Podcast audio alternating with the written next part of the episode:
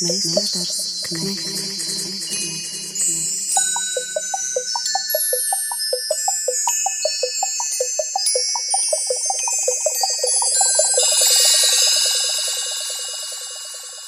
Meistars Knechts.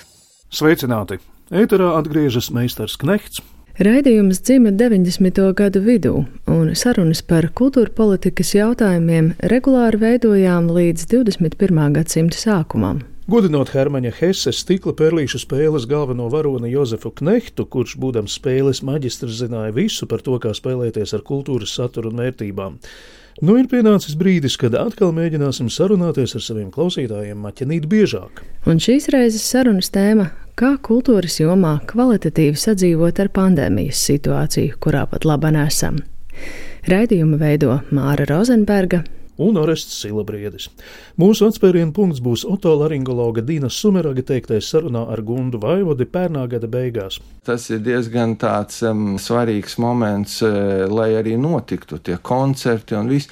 Praktiski šajā laikā būtu jāskatās nevis kā aizliegt kaut kādu, jo tas ir diezgan viegli aizliegt koncertus, aizliegt tur uh, veikals, mm, apmeklējums un tā, bet kā atrisināt situāciju. Būtu jāsēžās kopā ļoti spēcīgiem mediķiem ar ļoti spēcīgiem ekonomistiem, tad to visu var atrisināt. Jo šī mākslinieku gara pacelšana tautai, viņa arī uzlabotu veģetatīvo nervu sistēmu un līdz ar to arī cīņas sparu pret šo vīrusu. Ja? Pats nu, kādreiz beidzu mūzikas akadēmiju, un es varu iedomāties, ja tev tagad, nu, pasaka, ka tev koncerti nav, tas nozīmē, ka tu esi pakļauts uzreiz vīrusam. Tu sāc nervozēt, tu sāc baidīties. Tur arī no laringoloģijā mēs citreiz pat redzam, pat kad nebija vīrusa, cilvēks atnāk jau tāds sabies, viņš ir ļoti ar savu slimību tāds koncentrējies, jā, un viņam visu laiku kašājās kaklā, viņam tur, tur kaut kas, un atliek viņam uh, iedot kādu māksliniecisko tādu momentu, viņam vairāk tā kasīšanās nav kaklā un visu ārsties. Skaidrs, ka nevienmēr māksla dara brīnumus, bet savs grauds Dīna Sumeraga teiktajā ir. Redījumā tiksimies ar Hanzas Perona vadītāju Ievu Irbinu, Latvijas muzeju biedrības valdes pārstāvi Elīnu Vikmani, Dailas teātra direktoru Jūri Žagaru un Rīgas kamerkora Avesol diriģentu Andri Veismani. Mūsu sarunbiedras būs arī Kultūras ministrijas valsts sekretāre Dāca Vilsone un Slimību profilakses un kontrolas centra komunikācijas nodaļas vadītāja Ilze Arāja. Laikā, kad klātienes sarunas nav iespējamas, mēģinājām inscenēt diskusijas sajūtu attālināti. Vispirms vārds tev, Māra, un laiks tevām trim sarunām ar dažādu kultūras jomu pārstāvjiem.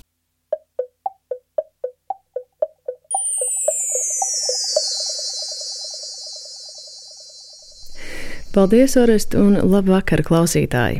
Nu jau vairākus mēnešus nedrīkstot tikties ne ar vienu skatītāju, kultūras dzīves rīkotāji ir daudz lauzījuši galvu, vai un kā būtu iespējams droši atsākt jau kādu tikšanos. Ir instrumenti, ir risinājumi, ir iespējas. Tā janvāra beigās sociālajā tīklā Facebook rakstīja Latvijas pasākumu norišu vietu asociācijas un Hanzas Perona vadītāja Ieva Irbina. Viņa dalījās ar ierakstu par kādu epidemioloģiski kontrolētu koncertu Barcelonā. Kā tad Covid apstākļiem mēģina pielāgoties pasākuma rīkotāji Eiropā un ko no ekspertiem gaida nozara pašmājās, par to nākamajās desmit minūtēs saruna ar Ievu Irbinu. Man tieši vakar bija saruna ar, um, ar ārzemju kolēģiem, uh, arī ar uh, Norešu vietu asociācijām Eiropā. Un skaidrs, ka lielākā daļa Eiropas uh, norešu vietu šobrīd ir cieta. Tomēr, kāpēc es saku, lielākā daļa ne visi ir cieti. Kas bija interesanti, mēs eh, pārunājām arī jautājumus par to, cik kura valsts ar savām valdībām ir tālu tikusi tajā, lai saprastu un atšķirtinātu tos uh, iespējamos uh, darbības atjaunošanas veidus. Protams, ka visi saprot, un arī mēs to ļoti labi saprotam, kamēr vien ir ļoti augsts risks un kamēr vien ir slimnīcās pārāk liela šī slodze, un kamēr šis vīrus ir pārāk tuvs, Nu, neviens no mums negaida, ka kādam atļaus strādāt un ka varēs notikt liels pulcēšanās. Tomēr tas, ko mēs sagaidām, un arī vakar šajās Eiropas sarunātās iezīmējās, ir ļoti atšķirīgs stāvokļi tajā, cik tālu katra no valstīm ir tikusi faktiskajā jautājuma apzināšanā, kā varētu atsākt strādāt tad, kad varētu atsākt strādāt. Un tas ir tas lielais jautājums, kur man šķiet, ka mums vēl ir liels ceļš ejams. Jo pagaidām mēs esam dzirdējuši frāzes un labi apzināmies, ka tātad, kumulatīvais saslimšanas rādītājs 200 ir tas brīdis, pie kura varētu tā sacīt, iziet no ārkārtējā stāvokļa. Ja? Un varētu atsākties pēc šī veselības ministrijas izstrādātā Luksafora principa kaut kāda lielāka aktivitāte un dzīvība, bet tas, kas nav šobrīd skaidrs un saprotams, ir, kāda tad šī dzīvība būtu. Un otra interesantā lieta, kas, manuprāt, kur mēs vispār neesam tik tālu vēl tikuši, lai gan vasarā mums bija ļoti veiksmīgs patiesībā tas starta šāviens un tas uzrāviens, mēs ļoti strauji kopā ar veselības ministriju un kultūras ministriju un slimību profilaks un kontrols centru un nozara asociācijām izstrādājām šos drošus drošu pasākumu epidemioloģiskās vadlīnijas, atrunājām visu un bija aprunāti visi šie būtiskie jautājumi, kas tobrīd bija zināmi, un, un tas ir zinātniski pierādām gan par distancēšanos, gan par uh, cilvēku reģistrāciju un tā tālāk. Vakardienas sarunā ar, ar saviem Eiropas kolēģiem uh, es sapratu, ka viņi ir tikuši ļoti tālu tajā, lai šķetinātu dažādus scenārijus ar saviem epidemiologiem un veselības ministrijām, ne tikai kā dzīvot šajos skaitļos, 200 vai 500 cilvēku telpā, bet ir dažādas versijas. Ir attīstības scenārijs A. Ja rīkotājs ir gatavs piemaksāt un nodrošināt ātros testus vai kādu citu drošu un konkrētās valsts atzītu, veselības speciālistu atzītu metodi, pielietojot, kā vīrus netiek ielaists pasākumā iekšā, tad pasākumā ir pieļaujami viena cilvēku skaita. Ja rīkotājs nav spējīgs to nodrošināt, tad pasākumam ir jāievēro šādi piesardzības pasākumi. Un proti, jau notiek šāda modulēšana, nevis tikai pēc striktiem ierobežojumiem, 200 cilvēku vai 300 cilvēku, jo šie skaitļi ir balstīti tajā, cik daudz un cik ātri var atsakot cilvēkus, ja kaut kas notiek. Bet tieši iet no šī principa un meklē risinājumus kopā ar savām valdībām un atbildīgām institūcijām. Ja rīkotājs ir gatavs piemaksāt un nodrošināt, ka vīrusu ielaišana pasākumā tiek būtiski samazināta, un visas puses saprot, ko šajā brīdī nozīmē vārds būtiski, un, un visas puses ir apstiprinājušas šos jaunos tās protokols, tad šie jau pasākumi iekšienē esošie ierobežojumi ir mazāki. Un, lūk, man šķiet, ka mēs neesam tikuši vēl tur, un mums būtu laiks par to domāt un laiks pie tā strādāt.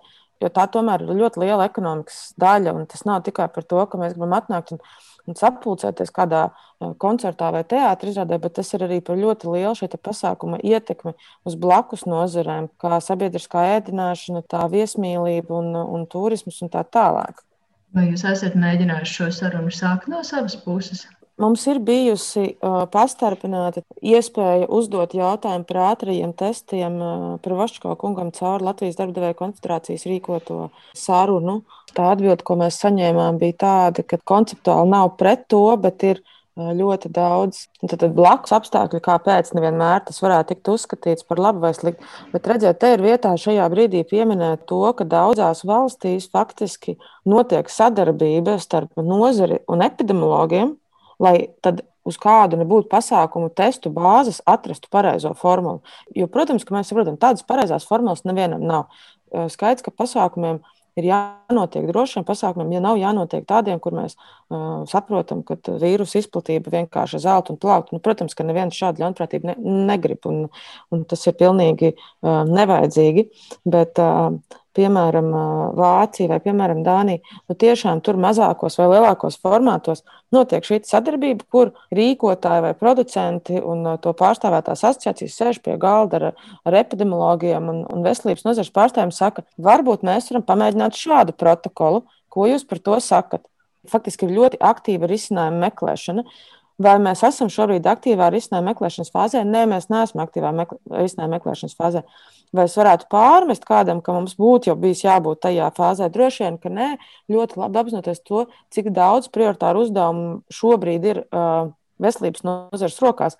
reizē man gribētos teikt, ka mēs nevaram to sarunu atlikt pārāk tālu. Jo, ja tagad nospraustais datums ārkārtējas stāvokļa beigām ir 6. aprīlis, mums būtu jāspēj strādāt un jau tagad strādāt pie tā, kādus protokolus mums vispār epidemiologi teikt, ka nu, pie šādiem mēs varētu domāt, ka jūs varat brīvāk strādāt.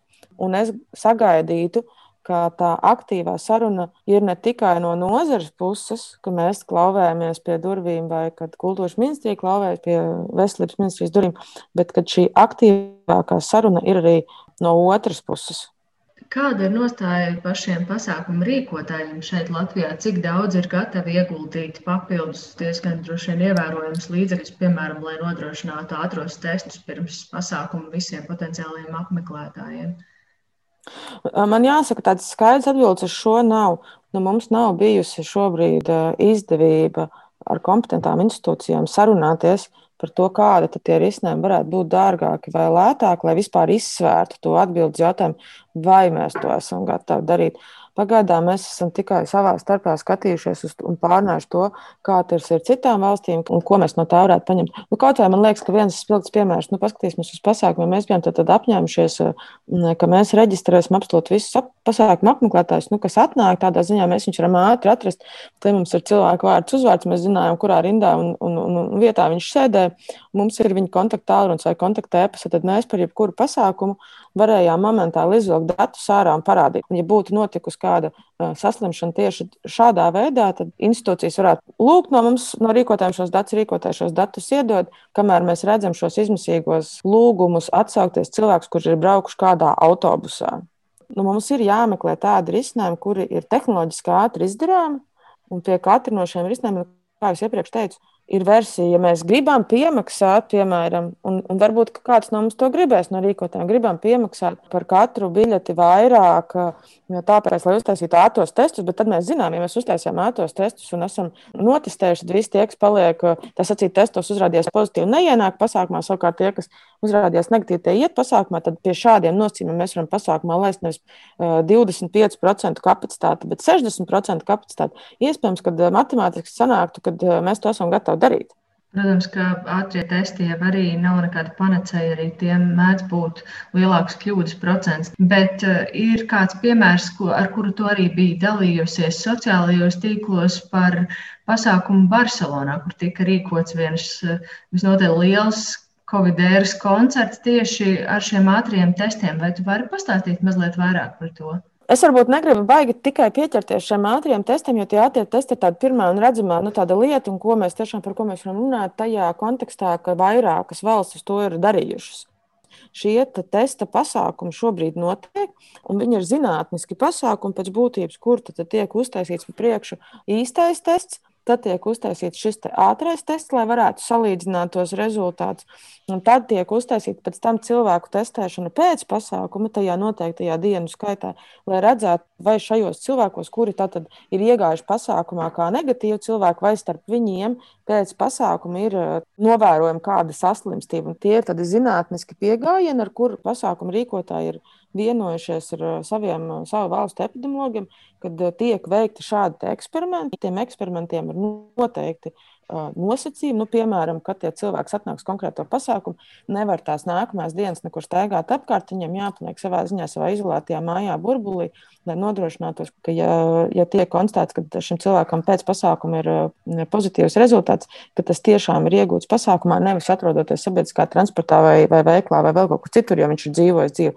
Nu, tur ir nu, dažādi šie noteikumi, kā tiek sarāmēts tas, lai varētu arī zinātniski pierādīt, ka jā, mēs varam uzskatīt, ka, ja mēs veicam šādu te ātrā testēšanu tieši šādā metodoloģijā, kad lūk, patiesībā šādā veidā pēc pasākuma tas pasākums ir izrādījies drošs. Šobrīd jau mēs nevaram nevienam neko teikt, ka mēs neesam šajās sarunās bijuši vēl. Jo ir pilnīgi skaidrs, ka prioritātes kopumā veselības sistēmā šobrīd ir absolūti citas. Bet būtu kalendāros jāsāk iezīmēt vēlme šādas sarunas mm -hmm. uzsākt. Kaut vai, piemēram, aicinot vai vienojoties starp veselības institūcijām un, un pasākumu nozares pārstāvjiem, vienojoties, ka, piemēram, nozares pārstāvji asociācijas apņemās apkopot visus šos pieejamos Eiropas pētījumus mm, un jā. kaut vai noprezentēt šo praksi, un tad mēs varam sākt uz šīs prakses bāzes diskutēt, kas mums, mūsu tad, tad valstī būtu pieņemami vai nepieņemami risinājumi, kurus mēs varam tālāk attīstīt un, un izstrādāt. Māra Rozenberga sarunājās ar Hanzas Perona vadītāju Ievu Irbinu, turpinājums Melpamenes valstībā. Uz nozares iesaisti sarunās par iespējamiem risinājumiem drošai kultūras pasākumu norisei gaida arī teātri, kas pērnvasarā strauji pārplānoja plūsmas, izretināja rindas un dažviet pat ieviesa stikla sienas starp krēsliem. Latvijas lielākā dēls teātra direktoram Jurim Žagaram ir arī pavisam neordināras idejas, kā dēles milzu platība šajā situācijā varbūt varētu kļūt par glābiņu. Žagars pašlaik filmējas Spānijā un var salīdzināt arī turienes risinājumus. Atālināta saruna ar Juru Žagaru no Madrides. Jūs esat eh, diezgan daudz laika pavadījis rudenī, domājot par to, kā ieviest dažādus ierobežojumus slēpošanas trasēs, jo jūs esat arī slēpošanas trašu asociācijas vadītājs, tur jums izdevās eh, vienoties ar SPKC par to, ka jūs varat strādāt arī ierobežojumu laikā, taču Dēls teātris nu, jau pāris mēnešus ir pilnībā slēgts. Jā, nu, protams, slēpošanas trases nevar salīdzināt, jo tās ir svaigā gaisā. Un eh, runājot par teātru un par iekštelpām, protams, tas ir pavisam cits profils.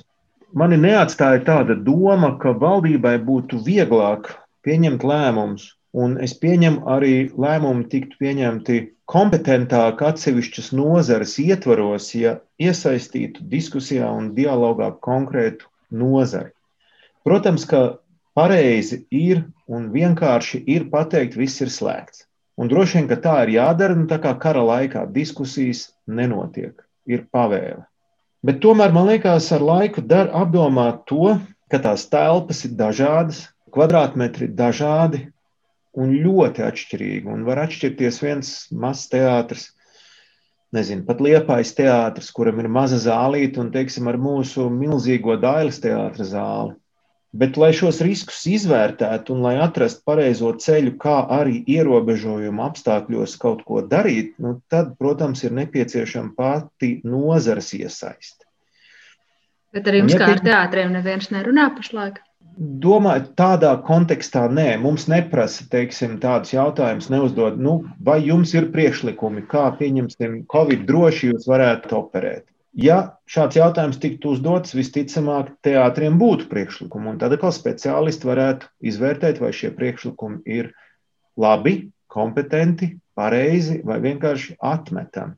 Man liekas, ir jūsu priekšlikumi?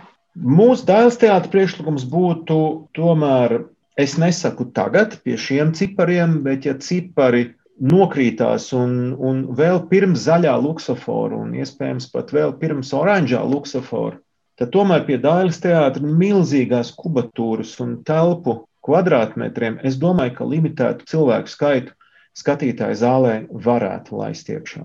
Protams, pie nosacījuma, ka aktieri tiek testēti un tiek testēti teju vai katru dienu. Jūs bijāt Jautā... arī ieviesuši stikla plasta norobežojumus starp vietām, ja? Tātad stikla barjeras tas ir punkts viens, ko citur atkal nevar novietot, tāpēc ka krēsli izskatās savādāk un to ir ļoti grūti. Otkārt, zālē izņemot rindu, ārā mums ir attālums no deguna līdz degunam, ja mēs tā mērītu, pat nedaudz vairāk kā divi metri. Ja cilvēki nesēž blakām, arī ir divi metri. Cilvēku blīvums lielajā zālē ir ārkārtīgi pieņemams un mazs mēs varam ielaist cilvēkus pa divām dažādām ieejām. Plūsmas vispār var nekrustoties. Mēs varam, mums jau bija plāns, kā arī labierīcības mēs izmantojam atsevišķai grupai. Ka zāle tiek pārdalīta sektoros, un sektors ar sektoru nesatiekās un iet ārā pa citām durvīm un tam līdzīgi. Līdz ar to, teiksim, faktiski 50 cilvēku grupa, kas jau ir divu metru distancē, bija iespējams, ka viņi ar otriem 50 cilvēkiem vispār nesaskarās nekur. Mums pat bija variants, ka cilvēki sēž mašīnās, atbraucot uz teātru, viņiem tiek atsūtīta īziņa, kurā brīdī viņiem jānāk iekšā. un viņi nāk pa vienam iekšā un tam līdzīgi. Tā kā visi šie mehānismi tika atstrādāti līdz detalizācijai. Tātad, ja mēs ar publiku vēl varētu tikt galā, un, teiksim, publikas blīvumu mēs varētu panākt ārkārtīgi labu, tādu retu un, un pilnīgi pietiekamu, tad ko darīt ar nabaga aktieriem? Un tā nu ir tā problēma, ko arī ministrs ir vairāk kārtīgi uzsvērs attiecībā uz vakcināciju, ka aktieris nevar strādāt. Tā ir vienīgā profesija, kuru nevar strādāt ar masku. Nu, tāpat Sevi. kā mūziķis un dejotājs. Mūziķis vienkārši nevar, tāpēc ka nevar. Un tad ir tas jautājums, ja mēs to sasaistām ar vakcināciju. Ja sabiedrībai tas mūsu pakalpojums ir nepieciešams un aktuāli nepieciešams, un ja sabiedrība to definē kā vitāli nepieciešamu pakalpojumu, ir sevišķi Covid krīzes nogalē, kad jau viss ir noguruši psiholoģiski no, no stresiem, ko krīze rada, tad būtu liederīgi apdomāt no vienas puses vakcinēt aktierus, un no otras puses tomēr laist iekšā publiku zālēs, bet ar ārkārtīgi striktiem noteikumiem un kontroli. Bet tad, kas ir svarīgi, ka šiem noteikumiem ir jābūt tomēr specificētiem. Viņiem jābūt katrai vietai nu, nedaudz atšķirīgiem. Man pat kādreiz ienāca prātā tāda doma, ka iespējams vajadzētu tādu Covid inspekciju vai, teiksim, Covid drošas telpas inspekciju, kā pieņemsim, ir zvaigznītes Michelin restorānam. Un tas daudzus uzņēmējus ārkārtīgi motivētu iesprint, ja, ka ir kaut kāda kā patērētāja tiesība aizsardzības centra, inspekcija vai komisija, kas staigā un skrupulos skatās, vai attiecīgais uzņēmējs, attiecīgā iestāde, attiecīgais teātris skrupulozi ievēro un vai var ievērot kaut kādas zināmas prasības, kas tiek nodefinētas.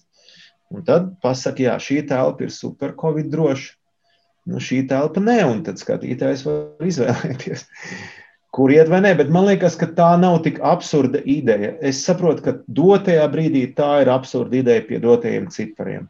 Bet es tajā pašā laikā skatos Spānijā, šeit, Madridē.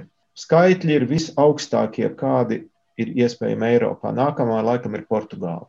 Visi veikali ir vaļā, visas kafejnīcas ir vaļā, bet ir absolūti nepārkāpjams noteikums. Pilnīgi visur, pilnīgi visi nesā maskas.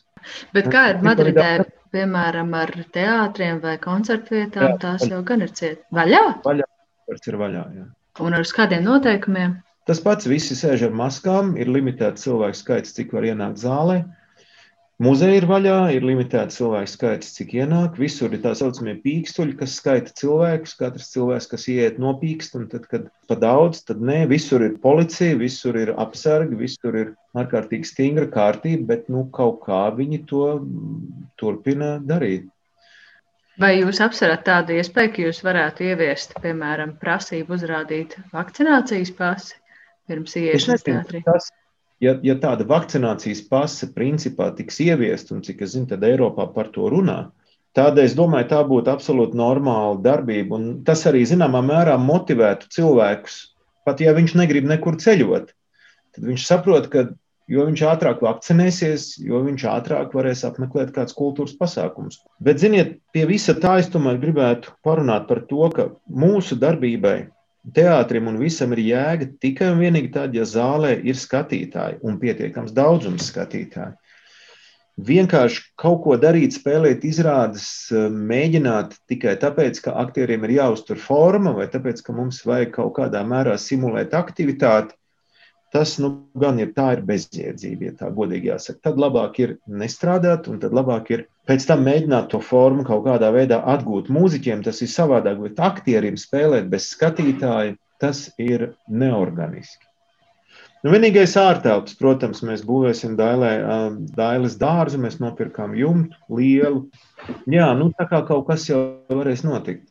Bet es vēlreiz saku, tas nav mūsu kaut kāda gudrība un viltība un kaut kas tāds, ko mēs zinām, citi nezina. Vienkārši tās dailes teātris milzīgā teritorija un tās nolapīt lielās telpas, šajā gadījumā mums viņas ārkārtīgi palīdz. Jā, manevru iespējas. Es pat iedomājos tādu variantu, ka varbūt ir racionāli apspriest, ka, ja Dāļas teātris tiešām ir vislielākais teātris, vislielākā zāles kubatūra, vislielākie foje, ka tā varētu būt tāda universālā skatu. Visiem teātriem. Nopietni to saka. Uz vienu nedēļu jādod Nacionālajiem teātrim. Dāļas teātris nestaigā. Dārzs teātris komanda neiet, lai viņi nešķērsojās, lai viņi ir atsevišķā burbulī. Nacionālais nospēlē, tur izrādes. Valmiera atbrauc nospēlēt dažas izrādes, liepāja tādu viesizrāžu skatu visu vasaras garumā. Kāpēc ne? Kāpēc ne? Tā runā Dailas teātra direktors Juris Žagars, un mums ir vēl viena saruna. Bet ar lielāko platību uz vienu apmeklētāju kultūras iestāžu vidū laikam var lepoties muzeji, nu vismaz lielākie. Ja citkārt salīdzinoši neliels interesantu skaits nebūtu tā pati priecīgākā ziņa, tad pandēmijas apstākļos muzeji iespējams ir salīdzinoši drošāka publiskā vieta par daudzām citām. Vismaz tā ir secinājusi Eiropas muzeju biedrība, aicinot ļaut šais apstākļos darboties vismaz muzejiem. Par to arī mana trešā saruna ar Latvijas muzeja biedrības valdes pārstāvi Elīnu Vikmani. Elīna, tur nesen sociālajā tīklā Facebook dalījies ar tādu 18 Šveices muzeju, arī pašlaik slēgtu, kopīgi parakstītu vēstuli, kurā šie muzeji aicina teikt, beigt muzeju lockdown un piesardzīgi atkal atvērt tos publikai individuālām vizītēm.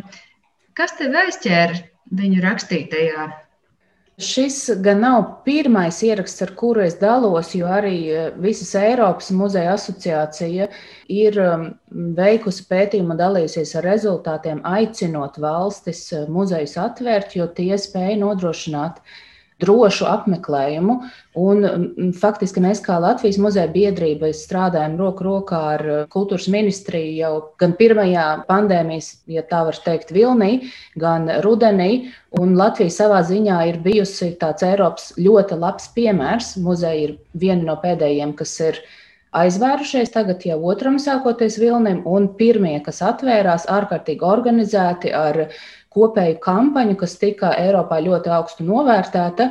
Līdz ar to man tā, ir, man tā šķiet ļoti svarīga tēma, un man šķiet, ka šobrīd ļoti labi izgaismojas tas, ka, protams, sabiedrības veselība, fiziskā veselība ir ļoti, ļoti būtiska, un, un šiem ierobežojumiem ir jābūt, bet mēs ļoti labi redzam, ka šī fiziskā veselība nav vienīgais šī garīgā veselība, emocionālā labsajūta, vispār kultūras ļoti, ļoti lielā nozīme, manuprāt, ļoti labi izgaismojas. Un tagad ir visu mūsu, es pat teiktu, pienākums un arī lēmuma pieņēmēja pienākums ir nu, redzēt un apzināties, ka cilvēks sastāv arī no šīs garīgās dimensijas, arī no šīs eh, psihiskās dimensijas, un eh, nedomāt, ka tā ir mazāk svarīga. No tā, kas tev ir zināms, kāda pašlaik ir dažādu valstu praksa attiecībā uz uh, muzeja iespējām darboties?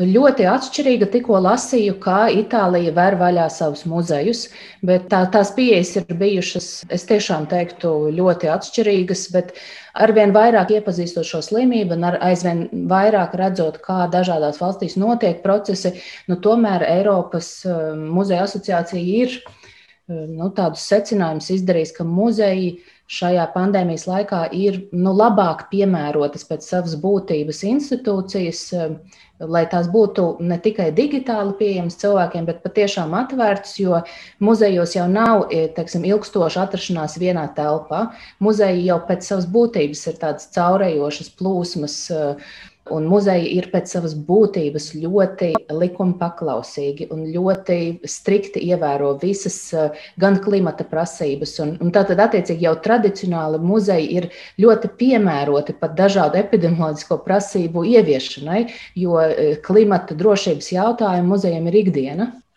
Un arī muzejos, kur cilvēki nedrūzmējas pie Monas Līzes vai uh, manē ūdens rozēm vai vēl kādam, kādiem ļoti slaveniem darbiem, jau arī tie cilvēku pūļi individuālās ekskursijās pārāk bieži nav novēroti. Jā, tas eh, varbūt tādā iepriekšējā dzīvē mums būtu žēl, ka mums nav šādu vispasaules šedevru, pie kuriem pulcējas simtiem tūkstošiem cilvēku, ka muzeji ir tādas eh, terapeitiskas vietas. Un, eh, piemēram, Monreālā muzeja ir vienojušies ar ārstiem, ka ārsti var parakstīt mākslas muzeja vizīti kā daļu no terapijas, stresa noņemšanai eh, vai tādu nu, arī psiholoģisko dažādu simptomu noņemšanai. Ir ārkārtīgi interesanti, cik ļoti aktīvi attīstās dažāda veida, nu, izgaismojas muzeja sociālā loma. No tā pagājušā gada laika, kad muzeji bija atvērti, vai ar muzejiem bija saistīts kāds eh, Covid gadījums, kas nonāca jūsu redzeslokā? Cik man zināms, nebija novērots, ka muzejos būtu radušies kādi perēkļi vai kādas masu saslimšanas. Jo muzejos visos, teiksim, ja mēs runājam par lieliem muzejiem, ir labas ventilācijas sistēmas. Vai jūs ar kolēģiem un varbūt arī kādiem speciālistiem ārpus biedrības esat sprieduši, vai būtu iespējams kaut ko vēl mainīt un uzlabot šajā pērn ieviestajā ierobežojuma sistēmā, lai muzeji un galerijas būtu pēc iespējas drošāka vieta apmeklētājiem un darbiniekiem? Vai tas, ko jūs izdarījāt pagājušo gadu, jūsu skatījumā jau ir maksimums?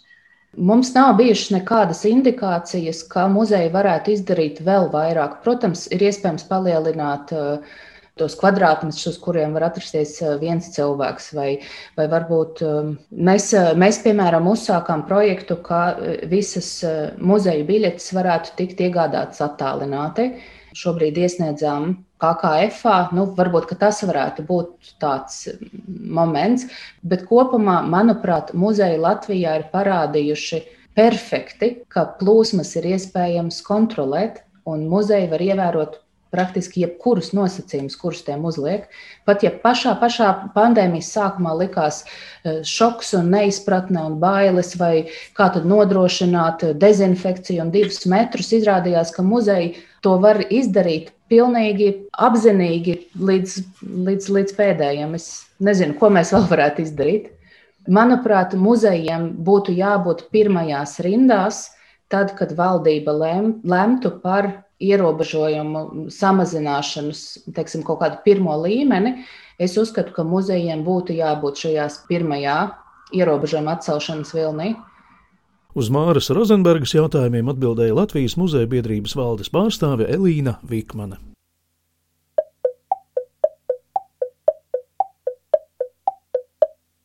Šajā grūtajā laikā mums būtu jāatrod tieši, tieši tā motivācija, nu, tāds gribas spēks uh, uzveikt visu šo te un, un neskatīties uz to slikto un, un to slikto nepropagandēt tik ļoti, kā propagandēt varbūt tās labās lietas, kuras varbūt ir, nu, mazāk varbūt ir, bet toties, ka cilvēki uzzinās arī tās labās lietas.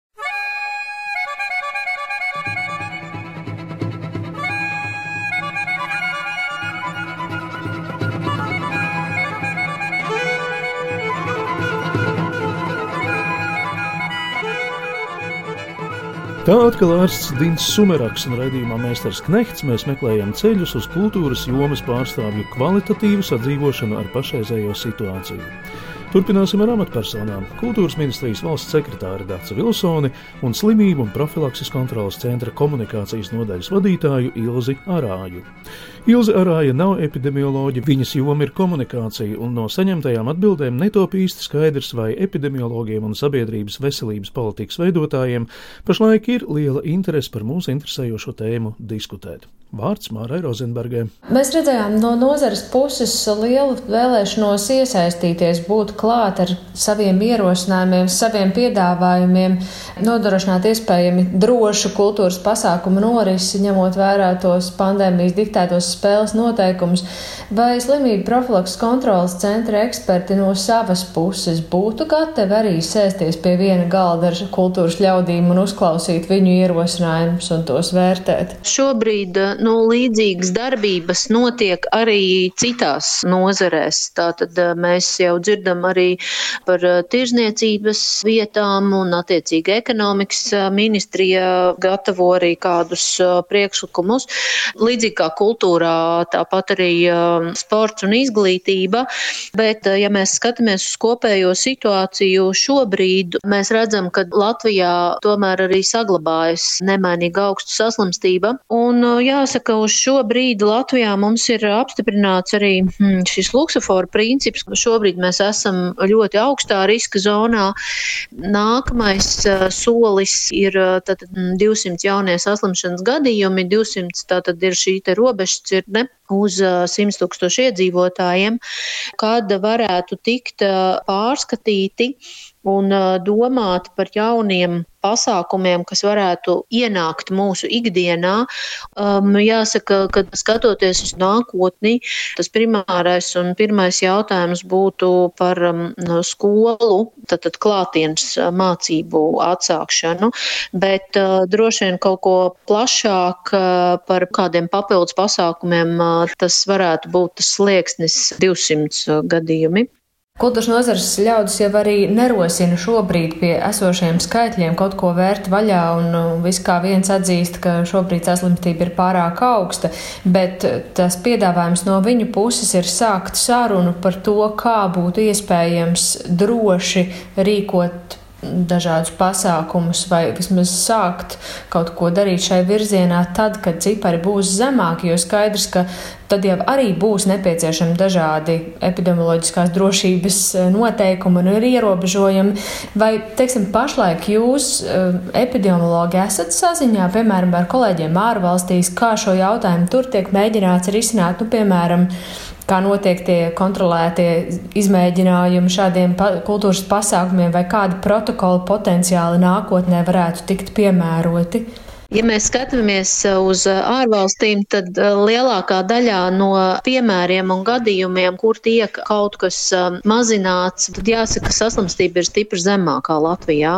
Bet nozare, protams, var savstarpēji jau varbūt skatoties arī uz savu darbības specifiku, protams, ka to jau var darīt, bet attiecīgi tālāk jau ir kultūras ministrija, kas apvieno tos piedāvājumus visus, kas ir izstrādāti, izdiskutēti, un tad tālāk jau diskusija ar veselības jomu ir jā. Runāja SPKC pārstāve Ilze Arāja. Par sadarbību ar nozares cilvēkiem apjautājāmies kultūras ministrijas valsts sekretārē Dacē Vilsonē. Es gribētu teikt tā, ka, protams, tikai kvalitīvs process ir īstenojams tad, ja mēs ciešā veidā sadarbojamies ar nozari, un es gribu apgalvot to, ka kultūras ministrija patiešām to arī dara. Pirmkārt, mēs eh, strauji reaģējot eh, gan uz Covid situāciju, jāsaka, pirmo reizi, laikam, līdzinājā vēsturē izveidojām konsultatīvo padomu, kur kopā strādā arī komerciālā sektora visi pārstāvi, pasākumu nozari, gan pasākumu rīkotāji, gan arī visas tehniskās eh, industrijas pārstāvi.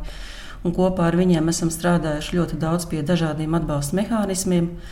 Tieši tāpat mēs e, ikdienā esam tādos pagrieziena punktos, kur ir jāpieņem lēmumi vai jāizstrādā rīcības plāns, kā rīkoties turpmāk. Jo īpaši sākuma posmā strādājam atsevišķi kopā gan ar muzeju nozari, gan ar e, teātru nozari, gan ar koncertu organizāciju nozari, un mēs šo dialogu uzturam vēl aizvien.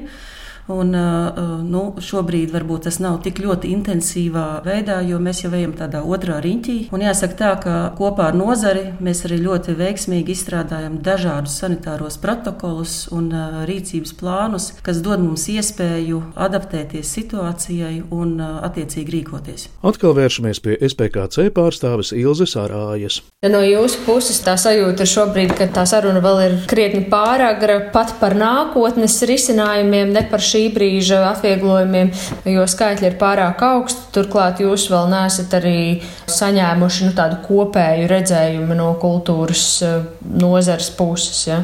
Šiem modeļiem, kas tika piedāvāti no kultūras puses, nu, šobrīd cilvēki, kas tika nointervēti, tas varētu būt kā diskusijas pamats, bet jāsaka, jā, ka droši vien vispirmām kārtām tā ir diskusija pašā nozarē, attiecīgi nozare tālāk tiek kultūras ministrijā izdiskutēts kā kopējais variants un tālāk tā būtu veselības joma, jā, bet nu, tur jāskatās, kad to var darīt, gan arī skatīties pa soļu principam. Tie varianti varētu būt dažādi, bet nu, tā ir jā, šobrīd nu, tāda tuvā nākotnē.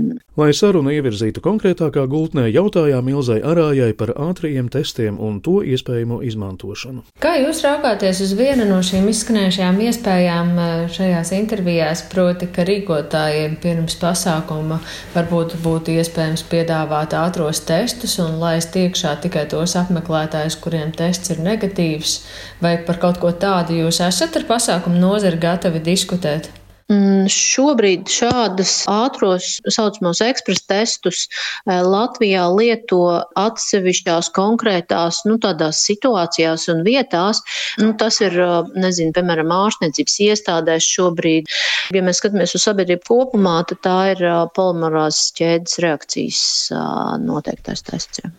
Bet kas ir par problēmu ar tiem ekspresa testiem? Kāpēc tādus nevarētu pielietot arī, piemēram, pirms pasākumiem, ja jau tos var lietot citur? Es pieļauju, ka tā varētu būt dziļāka diskusija un diskusija ar speciālistiem. Tas droši vien tur arī laboratorijas speciālistus vajadzētu piesaistīt. Tas, es domāju, ka tā varētu būt atsevišķa saruna. Bet tas, protams, kā viens no piedāvājumiem var nākt. Tā Ilza Arāja un kāds ir Dācis Vilsons komentārs par ātrajiem testiem. Šis jautājums gan drīzāk būtu adresējams speciālistiem un ekspertiem veselības jomā. Līdz ar to es laikam nevarēšu sniegt drošu atbildi uz šo, bet es arī būtu ļoti priecīgi, ja mēs varētu izmantot šādu metodi, lai atgrieztos skatītāju zālē. Tātad visā visumā pilnīga paļaušanās uz epidemiologu ieteikumiem. Epidemiologu novērojumiem ir simtprocentīga uzticība, un ja sabiedrība būtu tik uh, sadarbīga arī šajā periodā, kā tas bija pagājušā gada pirmajos mēnešos, mums visiem kopā izdotos daudz straujāk novērst uh, šī brīža uzliesmojumu, un mēs daudz ātrāk visi varētu atgriezties normālā dzīvē. Turpinām sarunu ar kultūras ministrijas valsts sekretāri Dāci Vilsoni un jautājam, vai arī kultūras ministrijas ieskatā muzeja būtu viena no drošākajām kultūras vidēm. Jā, arī kultūras ministrijas ieskatā muzeji ir ļoti labi sagatavojušies, un šīs darbs eh, mērķiecīgi tika veikts eh, arī pavasara periodā. Tika izstrādāti šie sanitārie protokoli. Muzeji var nodrošināt to, ka Ir gan labi ventilācijas apstākļi lielākajos mūsu muzejos, Nacionālajā mākslas muzejā, jaunajā rekonstruētajās sēkās. Tur ir nodrošināma arī cilvēku plūsma no vienām durvīm un izēja pa citām durvīm. Turklāt eh, iespējams arī nodrošināt to, ka apmeklētāji nedrūzmējās. Kā, protams, ka šī ir pirmā no nozarēm, par kuru mēs runāsim tik līdz stabilizēsies šī epidemioloģiskā situācija. Tātad gaidām, ka 14 dienu kumulatīvais rādītājs būs 200 uz 100 tūkstošu iedzīvotājiem. Tiklīdz mēs atgriezīsimies vismaz pie šī rādītāja, tad mēs varam kopā ar Veselības ministriju jau atgriezties pie tās pašas debates, eh, ka pakāpeniski vērt vaļā eh, kultūru. Un eh, pirmie šajā sarakstā ir bibliotekas, muzeji un tālāk varētu jau sekot debats par uh, arī pašu pasākumu nozars atvēršanu. Dēls teātra direktors Juris Žagars izteica pieņēmumu, ka attiecībā uz dēls teātri varētu pieļaut izņēmumu skatītāju zāles milzīgās kubatūras dēļ. Jebkāda veida uh, lēmumu pieņemšana par vienu vai otru procesa darbību notiek saziņā ar epidemiologiem, un tas tomēr ir valdības lēmums. Un šobrīd visi valdības lēmumu procesi ir balstīti uz to, ka ir jāpanāk rezultāts, lai sabiedrība pēc iespējas mazāk kustētos, atrastos ārpus savām mājām. Šī iemesla dēļ pat visiem, kas vien var savu darbu veikt mājās, tiek rekomendēts un pat valsts institūcijām stingri ieteikts tā rīkoties. Līdz ar to ir eh, diezgan apšaubām izņēmumu uz vienu atsevišķu institūciju. No kultūras jomas ar skaļāku viedokļu izteikšanu pērn izcēlās nevalstiskā sektora pārstāvji. Vai kultūras ministrijas ieskatā situācija mainījusies? Domāju, ka šajā situācijā ir jānošķir eh, divas eh, lietas, šīs objektīvā situācija un varbūt tas sajūta līmenis. Jo es domāju, ka kamēr viena kultūras sektora darbinieki netiks strādāt un netiks ieelpot skatuves mhm. dēļu gaisu, ja, vai e, sajust skatītāju enerģiju, līdz tam mirklim es domāju, ka neviens nevar būt e, īsti apmierināts ar e, esošo situāciju. Un, protams, ka tas arī nu, zināmā mērā atspoguļojas arī gan sociālajos tīklos, gan citur, ko mēs jūtam no visiem, gan no valsts, no nevalstiskās sektora pārstāvjiem. Runājot par uh, atbalstu mehānismiem, tā ir tālāk otra objektīvā situācija. Manuprāt, ka kultūras ministrija no savas puses ir darījusi pilnīgi visu iespējamo, jo līdztekus šiem horizontālajiem, vispārējiem atbalsta mehānismiem, kādi eksistē valstī, tā kā it kā jebkura sektora pārstāvjiem, Tieši kultūras sektoram ir izstrādāti savi tikai kultūras sektoram domātie atbalsta mehānismi, kurus eh, administrē arī cik ātri un godprātīgi vien iespējams valsts kultūra kapitāla fonds. Un tas ir pagājušajā gadā 2,4 miljoni bija kultūras institūcija ilgspējai, kura bija arī paredzēts finansējums nevalstiskajām organizācijām, 1,9 miljoni radošo personu nodarbinātības programmā un vēl 1,8 miljoni nākotnes kultūras produktu pakalpojumu un piedāvājumu izstrādēji. Tāpat papildus finansējums eh, tika plānots arī kultūras pieejamībai vai kultūras produktu izstrādē digitālā vidē, un līdzīgas programmas tiek turpināts arī 2021. gada pirmajā pusgadā. Un te jāsaka tā, ka šeit mums ir diezgan arī saskanīga sadarbība ar Finanšu ministriju. Finanšu ministra darba grupās konceptuālais atbalsts jau šīm darbībām ir sniegts.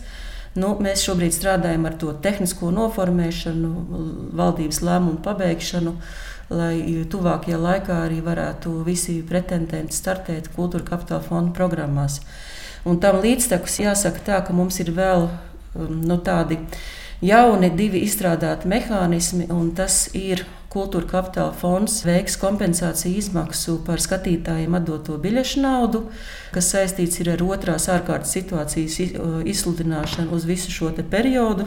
Un nu, pat arī valdība apstiprināja finanšu instrumentu, kuru administrētājs būs Altums, kurš sniegs uh, atbalstu uzņēmumiem, kuri arī izstrādās jaunos uh, produktus vai jaunus pakalpojumus, nu, festivālu vai kaut kādu lielu izstādi uh, un šādām darbībām. Tā tad varēs sniegt finanšu atbalsta instrumentu, kas sastāv no 40% granta un 60% aizdevuma. Tātad tas ir mērķēts uz uzņēmumiem, kur ar savu biznesa plānu spēs nākotnē arī aizņēmumu daļu atdot. Vai valdības līmenī un ministriju sadarbībā šajā periodā ir veiksmīga un operatīva saziņa? Es gribu teikt, ka šobrīd valsts sektors savstarpēji arī sadarbojas ļoti labā līmenī. Mums ir izveidotas dažādas operatīvās vadības grupas, kurās mēs arī cenšamies vienu vai otru problēmu, cik nu iespējams ātri to risināt. Un lēmumu pieņemšanas process arī valdībā no tā mirkļa, kad šī ideja ir tapusi, līdz valdības lēmumu rezultātam. Tas ir nu, no divām līdz četrām nedēļām, kas ir īstenībā ļoti, ļoti ātri salīdzinoši ar tādu ikdienas lēmumu pieņemšanas procesu kopā ar valdības pārstāvjiem. Nu, grūtā daļa, protams, ir tā, ka jebkāda lēmuma pieņemšanas sekojošā izpilde prasa rūpīgu attieksmi pret arī naudas izlietošanu, rūpīgu attieksmi pret visām procedūrām. Līdz ar to birokrātijas sloks jāsaka, kā ir ir eh, pietiekami augsts un neko daudz nemazinās ne tiem, kas vēlas iesaistīties šajā procesā un saņemt atbalstu, ne arī tiem, kas šo atbalstu piešķir, jo visam jābūt skaidri pamatotam un aprakstītam. Protams, mūs interesē, vai kultūras darbinieki ir likti kādā no vakcinēšanas prioritārajām grupām. Šobrīd kultūras darbinieki ir uzskaitīti prioritārajā grupā. Lielākā daļa šo mākslinieku un arī mediju darbinieku ir eh, ieplānoti grupā numur septiņi, bet eh, vēl arī valdības sēdēs notiek diskusijas. Iespējams, ka nelielu apjomu mēs varētu tomēr arī pavirzīt mazliet augstāk prioritātē. Cerībā, ka situācijā, ja teiksim, šī vakcīnas mums pietiekami daudz arī atceļo, tad būs iespējams arī ātrāk savakcinēties. Bet nu, tas ātrākais, uz ko mēs varētu cerēt, ir maijs. Ar interesi gaidām maiju un sarunas noslēgumā vēl Mēs zinām, cik grūti māksliniekiem iztikt bez skatuves un skatītājiem, bet likās, ka jāpajautā Dacei Vilsonai arī, kāds šis pandēmijas laiks ir ierēģiem. Nu, ierēģiem šis ir, jāsaka, tā ārkārtīgi izaicinošs laiks. Un, ja kāds interesējas un vēlas dinamisku, neparedzamu, ļoti mainīgu darbu, šis ir īstais mirklis pievienoties komandai un uh, strādāt visiem plec pie pleca, lai uh, stabilizētu epidemioloģisko situāciju valstī un arī sniegt kaut kādu mierinājumu, protams, uh, ļoti satrauktajiem cilvēkiem, kas strādā mūsu nozarē. Jo, protams, ka māksliniekiem tik ilgā laika periodā, nu, praktiski tūlīt būs jau gads, kad darbs uh, praktiski nav iespējams vai iespējams uz puskāju, labākajā gadījumā. Tas ir uh, ļoti grūti paciešams un ir neiespējami gandrīz ar to sadzīvot. Runāja kultūras ministrijas valsts sekretāra Dāca Vilsone. Radījums Mēsters Knekts tuvojas noslēgumam, bet mums ir vēl viena Māras Rozenbergas saruna. Var jau būt, ka drošu risinājumu kultūras dzīvē pašlaik vienkārši nav. Un, kā saka mūsu šīs dienas raidījuma pēdējais viesis, diriģents Andris Veismanis, risinājumi ir tikai divi - vakcinēties vai izslimot. Jo šī gada laikā ir kļuvis skaidrs, ka jaunais vīruss ir krietni lipīgāks nekā daudz no mums domāja iepriekš. Un ļoti iespējams, ka koncerta programmiņās ierakstu starpbrīdis papildinās Veismaņa Japānā jau redzētais ieraksts - pauze ventilācijai. Jūs uzturat kontaktu arī ar eh, kolēģiem citās valstīs, vai šie apstākļi profesionālajiem dziedātājiem pašlaik visur ir daudz maz līdzīgi? Nē, nu daudz kur vispār nekas nenotiek. Nu, mēs redzam, ka tās video tiešraides brīnišķīgi bija tiešraide no Laskāles ar mūsu kolosālajām dziedātājām. Elīna Garanču, Marina Rebeka un Kristīna Opolājs. Un, nu, ir, protams, Krievijā notiek arī opera izrādes ar ierobežojumiem, bet nu, es esmu tur bijuši nedaudz pavērojis, ko dara, piemēram, um, lielā teātra direktors Urīna Kungs. Viņš stāsta, ka tie zaudējumi ir tik lieli, jo tās ir liels, liels struktūras, tik lieli, ka ļoti grūti arī no tām minimālajām vietām kaut kādu ieņēmumu veikt. Jo, uh, opera nama bieži vien nepastāv tikai no tiešiem biļešu ienākumiem. Tur ļoti daudz ir korporatīvu pasākumu, kur tiek izīrētas telpas, balvu pasniegšanas, tur ir ļoti daudz arī sponsoru devums. Bet, piemēram, tādā valstī kā Igaunijā, lielais Tallinas operas teātris ir ciet, bet ar to, operas teātris darbojās. Protams, ar ierobežojumiem. Tas teātris, pēc tam zinot, ka, ja kāds tur bijis neliels. Uz kādiem nosacījumiem viņi strādā, cik daudz cilvēku viņi tur atļauj ielaist, jūs zināt? Nē, nu es domāju, ka tur līdzīgi kā pie mums bija, kad mēs vēl drīkstējām operā darboties. 50% laikam mēs drīkstējām aizpildīt. Jābūt maskās. Ir. Arī Lietuvā tas notika, kad es vasarā tikos ar krimerātiešiem pēc viena koncerta, un viņi teica arī, ka viņiem ļoti daudz bija uzstāšanās maskās. Un arī es domāju, Latvijas koncerts ļoti daudz strādā tajā virzienā, jo vienkārši nav citu variantu. Es arī sazinājos arī ar Liepājas simfonisko, Liepājas simfoniskais arī nu, cītīgi tiek testēti visi mākslinieki mazu mirklīti pirms viņi sāk kopā darboties, lai nebūtu šīs infekcijas briesmas, un, un, un tad tiek tās tiešraides veidot vai, vai ierakst vai, vai citu formācijā. Daudzi kolektīvi, ieskaitot radio, kur valsts, kurš domā par dažādu ierakstu veidošanu, kas ir nu, brīnišķīgi, ka tāda iespēja ir. Bet tas, protams, arī maksā naudu, un tur tie sadarbības partneri. Nu, viņiem arī nav šī zināmā krīzes situācija, arī nav tās neierobežotas stāvoklis ar, ar finansēm.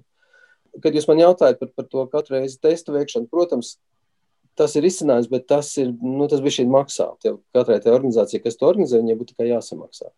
Es redzu nākotnē, jo, piemēram, operā ļoti cītīgi tika testēts viss pēdējais periods, kad bija viss operas kolektīvs, un pēc tam jau, kad tika veidot šīs tiešraides, tika ļoti cītīgi veikti testi nu, pirms katras tās uzstāšanās, tas arī izveido to, ka tie daži pozitīvie gadījumi, kas tur parādījās, viņi nu, tika aizvietot ar kādiem citiem cilvēkiem. Un tāpēc kopumā jau tā forma jau sāka veidoties, un viņi ir normāli, tas nav nekas nenormāls. Es pat domāju, ka varbūt tajā sākuma periodā, kam arī šobrīd ir ļoti bēdīgi tā situācija, ļoti sarežģīta, nu, ļoti grūti māksliniekiem uzstāties.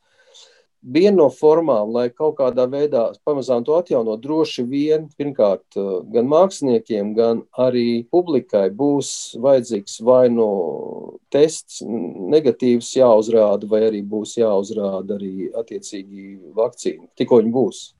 Pagaidām mēs vienkārši par to varam runāt tikai nākotnes izteiksmē, bet nu, es domāju, ka tas notiks kaut kādā brīdī, un, un tas varēs notikt. Man, diemžēl, atcēlās ceļojums uz Japānu. Man bija paredzēts 7. februārī braukt uz Japānu uz vienu mēnesi, kur man būtu divas nedēļas jāsēž izolācijā, un pēc tam būtu nedēļa darbs ar kori. Bet tas koncerts atcēlās, bet pirms viņa jau jau bija sarunas, ka būs tas koncerts. Bija tāda viena dīvaina lieta, ko es nevarēju saprast, kas tas ir. Rakstīt koncertu programmu, trīs skaņdarbi un pēc tam rakstīts 20 minūtes ventilation. Un es nevarēju saprast, ko viņi grib, kāda ventilation. Es tagad tikai sapratu pēc tam, ka tas taču ir viņi ventilē tās telpas. Un zinot, ka tie cilvēki, kas nāk uz koncertiem, arī uz tiem koru koncertiem, pēc manas pieredzes, kad tas bija Japānā, nu, viņi tāds vidējs vecums īstenībā, nu, kaut kāds 70 gadu vidējs vecums. Viņi jau laikus aizsargā šo veco cilvēku Japāņi ir nenormāli disciplinēti. Viņi ļoti klausa, ko viņiem saka valdība. Viņi nepārkāps nevienu momentu. Ja tur kāds trakais gadīsies, kas tur būs piedzēries un staigās komandas stundā, tad to nosodīs visa sabiedrība. Vienalga izplatās vīrusu ar visu to. Un ļoti izplatās. Un neskatoties mm -hmm. to, ka viņi ļoti vēlās Olimpiskās spēles atvērt. Jā. Tas vienkārši nozīmē to, ka tas vīrus, diemžēl, ir daudz lipīgāks, kā bija domāts. Un tāpēc, izjūt no šīs situācijas, tad droši vien ir tā forma, vai nu tas ir tests, vai nu tā ir vakcīna, tad iespējams, ka mums eh, nākotnē būs varbūt koncerti ar programmiņu, kurā būs rakstīts nevis starpbrīdis, bet trīs dziesmas ventilācija, trīs dziesmas ventilācija un tad starpbrīdis. Nu, jā, es, es tikai saku, ka tāda viņam tā praksa bija, jo tā otra praksa, viņiem, protams, ka viņi dzieda ar tādiem lieliem mutautiem, degunam un mutē priekšā, viņi dzieda tādiem. Arī tas bija Tokijas kamerkoris, par ko jūs runājāt, ja? Jā, un, un, jā, un tas ir tā kā, nu, tā kā vesternos, kur tie, pret smilšu vētrām tie meksikāņu bandīti lieto. Tieši tādi viņi arī izskatās. Un, nu, seja nav redzama, kas, protams, slikti, nav redzams arī, nu, nav muti redzama, kas vienmēr ir svarīgi. Kuriem arī tā ir ļoti liela traģēdija šobrīd, ka ir um, kaut kādi 30% var nodrošināt kaut kādu kvalitātes uh, realizāciju caur mēģinājumiem online režīmā. Un, piemēram, saistībā ar studentiem, man ir tā laime, ka es strādāju ar kurdiģentiem muzikas akadēmijā, un mēs varam strādāt arī online. Bet tas, kas beigās tiek prasīts, ir praktiskais pielietojums, ir apmēram tās pozitīvā tendence 60%. 40% ir tas, ko tomēr tā pandēmija nodara slikti tai profesijai kā tādai. Bet tas ir tikai kodiģēšanas gadījumā, ja mēs varam strādāt ar ierakstiem, mēs varam strādāt ar kaut kādām notīm, kas ir viens otram pretī. Bet, ja tas ir piemēram instrumentālists, es domāju, ka tur ir tikai kādi 15% reāli. Tu vari to, kas uh, skan, saprast, to analizēt un ar to strādāt. Bet jūs neesat no tiem, kas saka, nu, nost ar ierobežojumiem, tas viss ir pārspīlēti un ļaujiet mums nākt atkal kopā un dziedāt un, un baudīt kultūru, jo cilvēkiem tas ir vajadzīgs. Jūs tā kā vairāk tomēr runājat par tiem risinājumiem, kā mēs varam nu, pašreizējos apstākļos kaut vai ar to digitālo starpniecību, bet tomēr turpināt droši baudīt. Nē, nu es vienkārši vēlētos, lai tas beidzās. Protams, es neesmu par digitālo platformu kā tādu. Mm.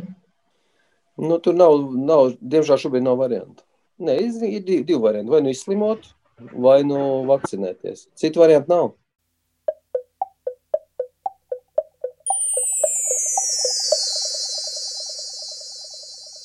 Man liekas, ka tagad visi, visi mēdī ir pievērsušies šiem nāves tām lapiņām, un tas savukārt rada ļoti veģetatīvās nervu sistēmas lielu stresu cilvēkiem, un veģetatīvā nervu sistēma inervē gļotādu, kur tas vīrus tieši e, ir, un tāpēc arī būtu pilnīgi jāmaina nu, tādas sabiedrēšanas stratēģijas uz tādu kā cīņas un uzvaras stratēģiju, un te būtu māksliniekiem e, liela liela loma nevis viņus atslēgt no šīs problēmas risināšanas, bet pieslēgt.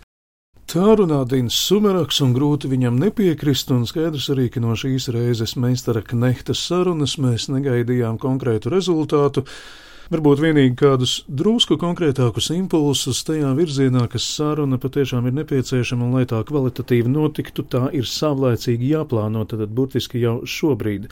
Starp citu, vēl viens aspekts - Ineses Lūsiņas intervijā ar dziedātāju Ingu Kalnu. Mēs lasījām arī rindkopu par to, kā ir, kad ilgāku laiku neuzstājas uz skatuves. Citēšu Ingu. Kad mēs esam uz skatuves, mūsu ķermenī veidojas visādi hormonu un vielu savienojumi - adrenalīns, noradrenalīns, kortizons, stresa hormoni. Pie šī kokteļa ir jāpierod. Ja mūsu organisms tādā stāvoklī ir tikai reizi septiņos mēnešos, tas ir postoši, jo tā ir inde. Pat ja tajā brīdī organisms ar to tiek galā, nākamajā dienā jūties beigts. Lai būtu formā, ir jāpierod ilgtermiņā un mazās devās. Atsākot atkal darboties, mēs drausmīgi nogurstam. Nevis tāpēc, ka neesam vingrinājušies, bet gan tāpēc, ka tas ir stāvoklis, kur mājās nevar simulēt, to nevar radīt mākslīgi. Tā runā Inga Kalna. Un pašā noslēgumā priecējoša ziņa no ministru prezidenta biroja pagājušajā piekdienā saņēmām vēsti, ka ministra prezidents Krišānis Kariņš ir ticējis ar Latvijas vadošajiem zinātniekiem, lai pārunātu drošas sadzīves veidošanas iespējas Covid-19 pandēmijas apstākļos. Sarunas laikā izskanējusi virkne dažādu ideju, un dalībnieki vienojušies priekšlikumus apkopot un iesniegt izvērtēšanai ministra prezidentam nākamajā tikšanās reizē. Sarunā piedalījās, protams, Uga Dumpis, augstskolu pārstāvji, ārsti, Stradiņu universitātes docētāji un arī Saimas izglītības, kultūras un zinātnes komisijas priekšsēdētājs Arvils Ašrādens. Ar interesi gaidīsim, vai drošas sadzīves veidošanā tiek ietilpināta arī kultūras joma. Meistars Knechts.